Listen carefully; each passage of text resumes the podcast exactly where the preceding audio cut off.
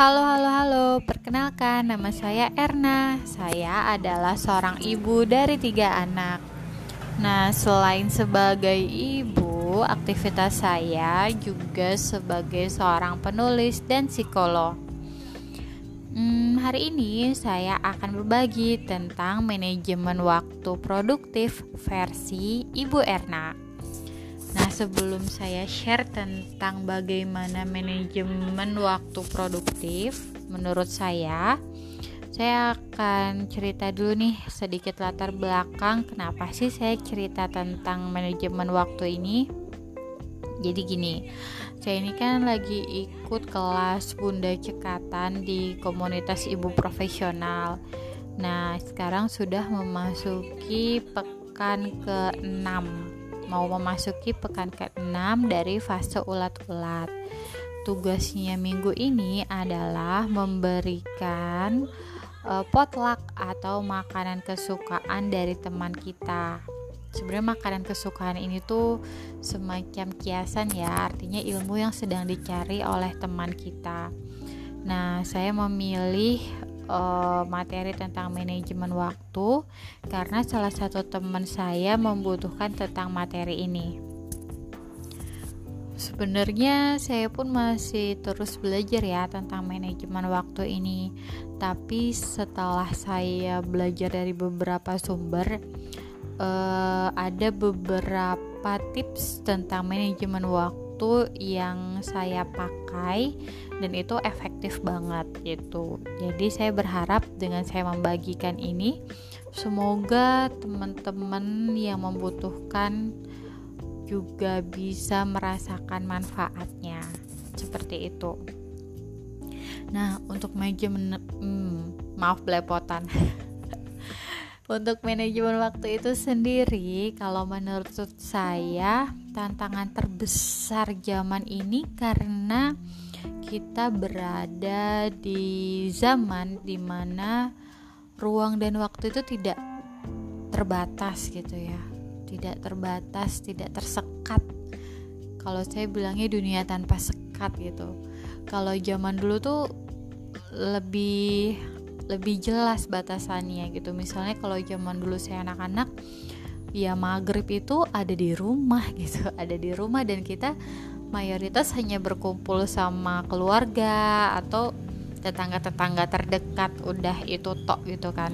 Tapi kan kalau zaman sekarang karena dengan kemajuan teknologi ya kita bisa ke mana-mana gitu. Malam-malam kita bisa ketemu orang Arab, orang India, orang Kalimantan gitu kan dengan melalui teknologi di handphone.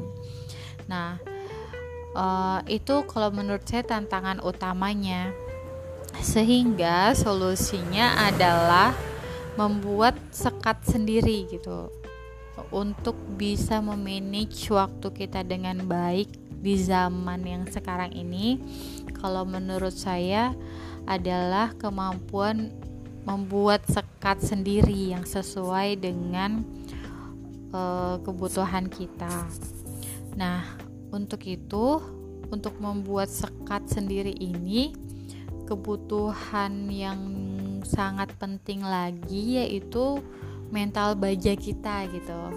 Karena uh, ya tadi ya seperti yang saya bilang kalau zaman dulu tuh batasan-batasannya udah lebih jelas gitu ya. Kalau sekarang tuh udah hampir nggak ada gitu bisa dibilang nggak ada. Udah jarang orang yang ngelarang jarang orang yang uh, apa membatasi lah gitu. Jadi orang yang bisa mengontrol diri kita itu sendiri ya diri kita seperti itu. Oleh karena itu sebenarnya bukan tentang manajemen waktunya, bukan tentang pembagian waktunya, bukan tentang metodenya gitu, tapi tentang diri kita dulu nih ketika kita siap menghadapi hari-hari ketika kitanya kokoh ketikanya kita kuat maka metode manajemen waktu apa pun insya Allah bisa berjalan gitu kan. Tapi kalau kitanya uh, belum bisa gitu belum bisa kuat belum bisa kokoh masih terbawa arus masih belum bisa konsisten itu biasanya metode apa pun akan sulit ya untuk diterapkan. Seperti itu.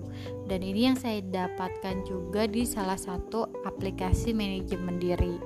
Jadi di aplikasi ini untuk memulai segala kegiatan, untuk memulai segala perubahan besar, itu tuh dimulai dengan uh, mengokohkan diri kita sendiri itu.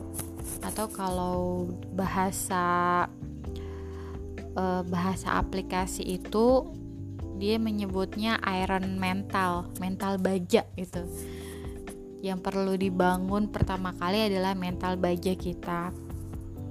Nah, bagaimana e, menciptakan mental baja itu? Yang pertama itu ternyata adalah e, memenuhi semua kebutuhan dasar kita, baik fisik maupun mental. Nah, uh, ini saya rangkum akhirnya dari semua pencarian ilmu saya gitu kan. Akhirnya saya rangkum saya simpulkan bahwa kebutuhan dasar manusia itu ada lima. Dan ini yang saya uh, saya coba penuhi setiap pagi.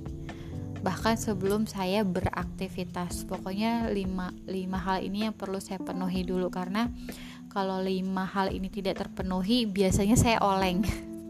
Saya oleng ketika menghadapi hari. Nah uh, apa aja lima kebutuhan dasar ini? Yang pertama yaitu air putih gitu. Jadi setelah bangun tidur hal yang pertama saya lakukan itu minum air putih gitu ya.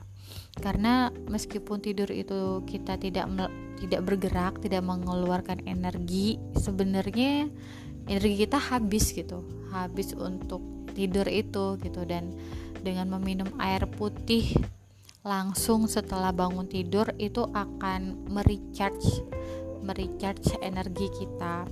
Nah ini penting banget.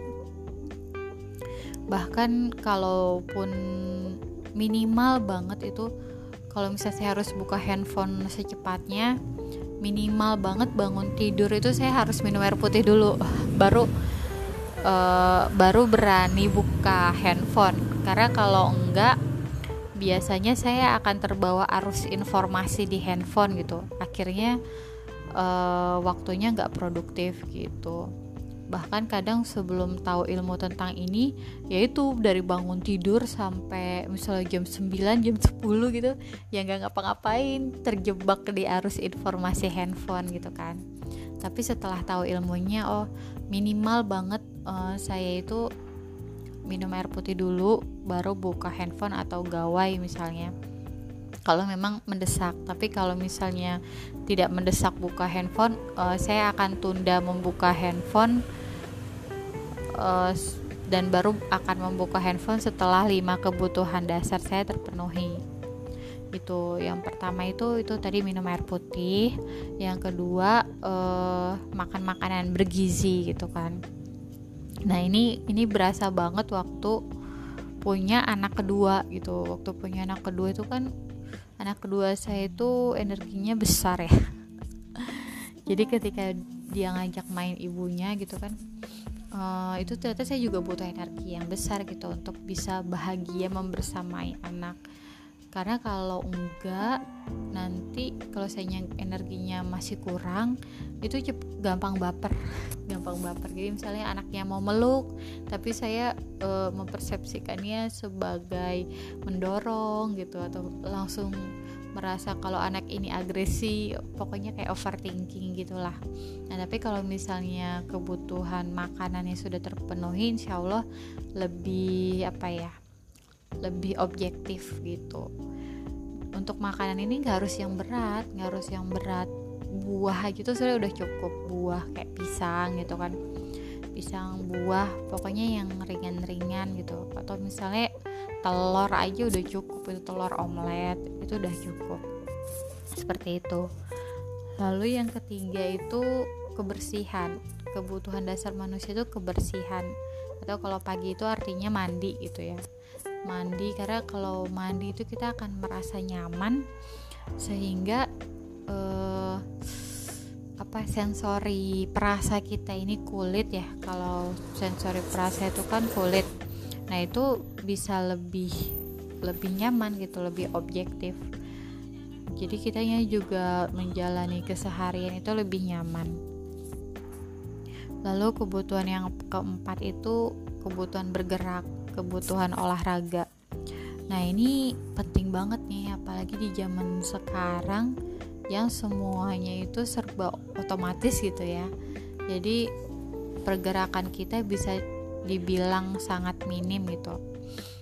Biasanya ketika saya melakukan olahraga di pagi hari itu pikiran tuh plong banget gitu. Pikiran plong energinya jadi terkumpul pokoknya enak banget walaupun saya akui waktu mulai pertama kali itu susah banget gitu.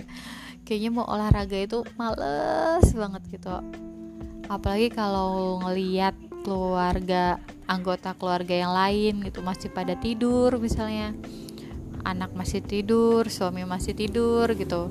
Kayaknya untuk nyoba olahraga itu aduh males banget kayak ada pertanyaan kenapa saya nggak tidur aja sama mereka? gitu kan. Ya, intinya kayak gitu. Tapi dari salah satu aplikasi saya temukan katanya yang penting gerak aja. Yang penting gerak aja dulu. Kalau misalnya belum mau lari belum mau olahraga belum mau senam belum mau apa joget aja katanya gitu. Joget aja yang penting gerak. Dan itu yang saya terapin. Jadi pas uh, sebulan pertama itu olahraganya joget. Jadi setel lagu pakai headset terus joget-joget gitu. Nah itu tuh menyenangkan sih. Dan akhirnya saya uh, dari joget dari joget terus baru ke ke mana ya? Uh, lari ke lari terus ternyata terus senam. Itu sih biasanya kalau olahraga saya tiap pagi nah. Olahraga terus uh, terakhir itu istirahat istirahat sebentar. Jadi kalau udah selesai olahraga istirahat sebentar 5 menit dan mereward diri sendiri karena sudah berhasil melakukan uh, apa sih empat eh ya empat kebutuhan dasar sebelumnya. Nah itu semua saya jadikan kebiasaan pagi itu itu saya jadikan sekat pertama uh, dalam keseharian saya. Jadi sebelum saya melakukan hal yang lain biasanya saya usahakan untuk memenuhi kelima kebutuhan itu dulu. Sebelum suami bangun sebelum bangun sebelum nyiapin sarapan. Saya usahakan untuk uh, memenuhi lima kebutuhan dasar itu dulu. Biasanya sih nggak nggak lama ya. Satu jam juga udah cukup. Satu jam jadi dari subuh sampai sekitar jam setengah enam sampai jam enam lah. Itu udah cukup dan itu saya jadikan sekat pertama kalau di game itu ini jadi checkpoint pertama saya gitu seperti itu Nah, segitu dulu ya manajemen waktu produktif part pertama kebiasaan di pagi hari. Semoga bermanfaat. thank you